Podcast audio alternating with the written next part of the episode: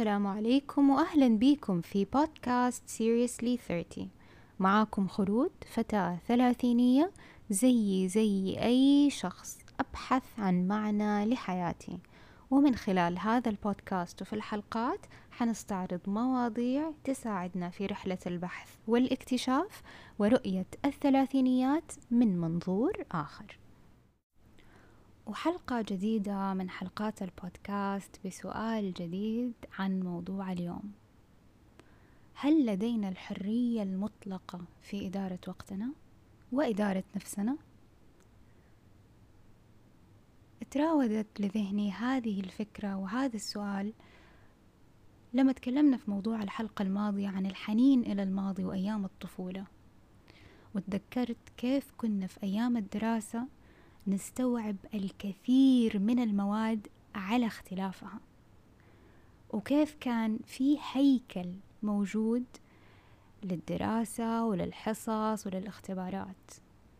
لكن كل ما بنكبر بنلاحظ إنه الهيكل ده بيتلاشى شيء فشيء. فإذا فكرنا في إجابة السؤال نعم لدينا الحرية المطلقة في إدارة وقتنا.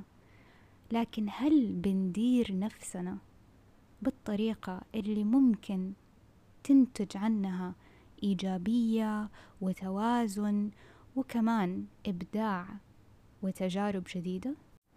إذا حاولنا إننا نتعمق في معنى إدارة نفسنا.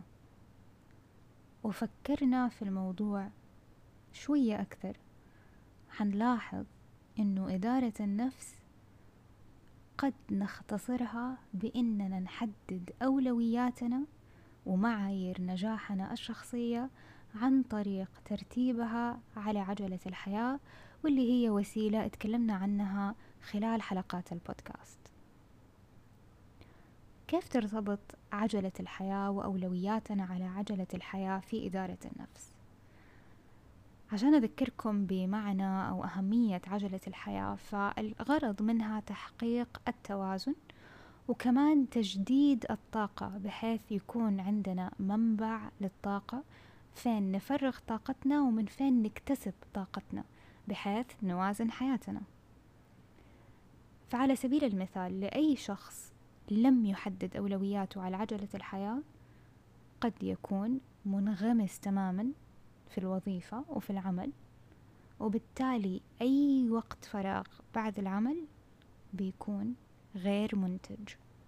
وعشان نوضح الصورة بطريقة أكثر كمان الإنتاجية لا تعني ظهور نتائج لمرأى الجميع إنما نتائج شخصية تنعكس علينا إحنا ذاتيا. فمن المهم جدا إننا نعرف كيف نقسم أولوياتنا وكيف ندير نفسنا. لأنه مع الحرية هذه تأتي مسؤوليتنا على نفسنا بأننا نجدد طاقتنا وإننا نوازن حياتنا بحيث نعطي نفسنا حقها في الراحة وفي الاكتشاف وفي التجارب الجديدة. فكيف نقدر نستغل عجلة الحياة بحيث إنها تكون الهيكل اللي يساعدنا في تنظيم حياتنا وتوزيع طاقتنا وتحقيق التوازن. حنلاقي إنه في تمبلتس عجلة الحياة وجود ثمانية أوجه وهذه ممكن ترجعوا لها في صفحتي على الإنستغرام seriously.30 والثمانية أوجه هذه ترتبط ارتباط جدا عالي بهرم مازلو للاحتياجات الشخصية. مازلو عالم نفسي وقسم مراحل الحاجات الإنسانية لخمسة مراحل. منها حاجات فسيولوجية زي الأكل زي الشرب زي التنفس. بعدها تجي مرحلة الحاجات الأمنية واللي فيها الدخل والعمل والأمان ووجود طبعا البيت أو المكان اللي يحسسنا بالأمان. بعدها تجي الحاجات الاجتماعية مثل الأصدقاء العلاقات العائلة. بعد كده تبدأ تتوسع الحاجات فنوصل لمرحلة الحاجة للتقدير من ناحية الاحترام من ناحية المكانة من ناحية الشعور بالثقة والحرية. وآخر مرحلة من مراحل الحاجات هي الحاجة الذاتية وهي حاجتنا في إننا نرغب في التميز وإننا نكون الأفضل في المجال اللي إحنا خايضين فيه. وبكده حنقدر نشوف إنه كيف استخدام عجلة الحياة يقدر يشكل لنا هيكل نحدد عليه أولوياتنا وبعد كده نقسم الأولويات إلى أهداف ونشوف شهر بشهر كيف قدرنا نحقق هذه الأهداف بحيث تكون أشياء مفرغة للطاقة وأشياء نكتسب منها الطاقة. وبربط عجلة الحياة مع هرم مازلو للاحتياجات الشخصية أو الاحتياجات الإنسانية.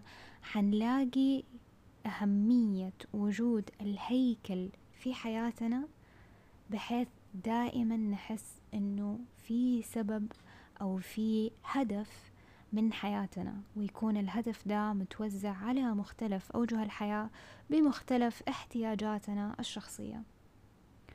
وجود الهدف ده طبعا حيكون سبب للحماس حيكون حافز جدا عالي لينا إننا نتطلع لأشياء أكثر من حياتنا.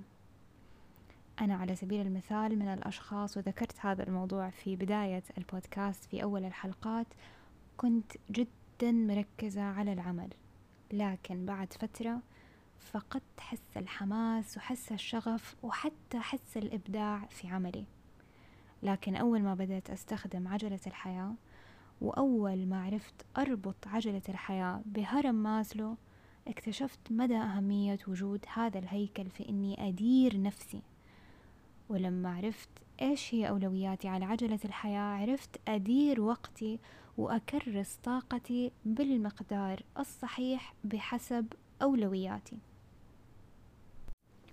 وإذا حنلخص موضوع اليوم في ثلاث نقاط. جدا مهمة. أول نقطة إننا كبشر نحتاج هيكل عشان نقدر نعيش من خلاله حياتنا. تاني نقطة الهيكل ده لازم يتكون من أولويات تحسسنا بالحماس وبالشغف. ثالث نقطة واللي هي جدا مهمة الأولويات هذه شخصية وحتساعدنا نحدد كيف ندير نفسنا ووقتنا وطاقتنا بالطريقة اللي تتلائم مع أهدافنا الشخصية. أشكر لكم متابعتكم وأتمنى أنه يكون الموضوع أفادكم وتشرفني متابعتكم على صفحتي في الإنستغرام seriously.30